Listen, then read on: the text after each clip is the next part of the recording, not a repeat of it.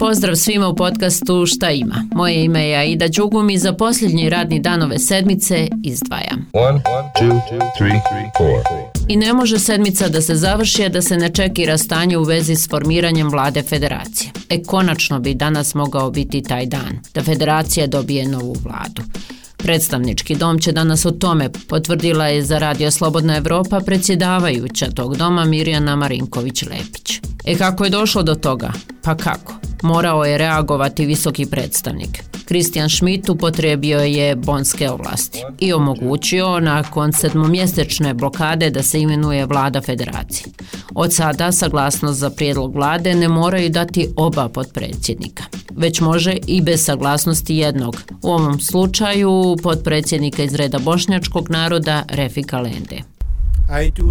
Ne djelujem u prilog ili protiv bilo kojeg naroda ili političke stranke. Princip uzajamnog poštovanja konstitutivnih naroda mora se primjenjivati, a nijedan konstitutivni narod nije napadnut, niti ga se ne poštuje. I šta još ovo znači? Predstavnički dom od sada može glasanjem proste većine potvrditi vladu, a uvodi se i mogućnost vanrednih izbora. Eto, još da naglasim da je predsjednica federacije Lidija Bradara izmijenila prijedloge za buduće ministre, dodala je nova imena, a izbrisala neka druga. Oko 2,3 miliona ljudi širom svijeta svake godine pogine na poslu ili se razboli zbog posla. To znači više od 6000 smrtnih slučajeva svaki dan, procjenjuje Međunarodna organizacija rada. Eto bitnog pitanja, pa i najbitnijeg. Ovogodišnja tema Svjetskog dana sigurnosti i zaštite zdravlja na radu je sigurno i zdravo radno okruženje kao temeljno načelo i pravo na rad.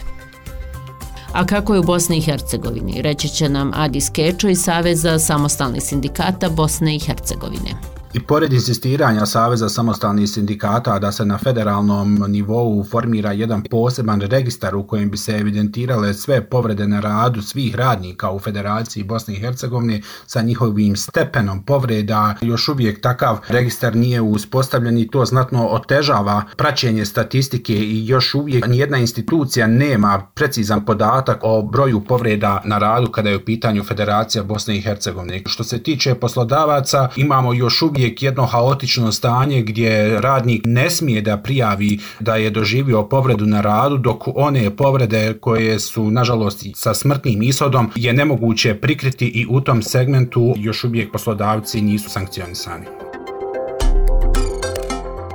Još nešto, jutro su biciklističku vožnju od Sarajeva do Goražda započeli pripadnici bivšeg britanskog bataljona UNPROFORA koji je tokom rata bio stacioniran baš u Goraždu. Oni tamo obnavljaju pokidane veze sa stanovnicima tog grada na istoku Bosne i Hercegovine.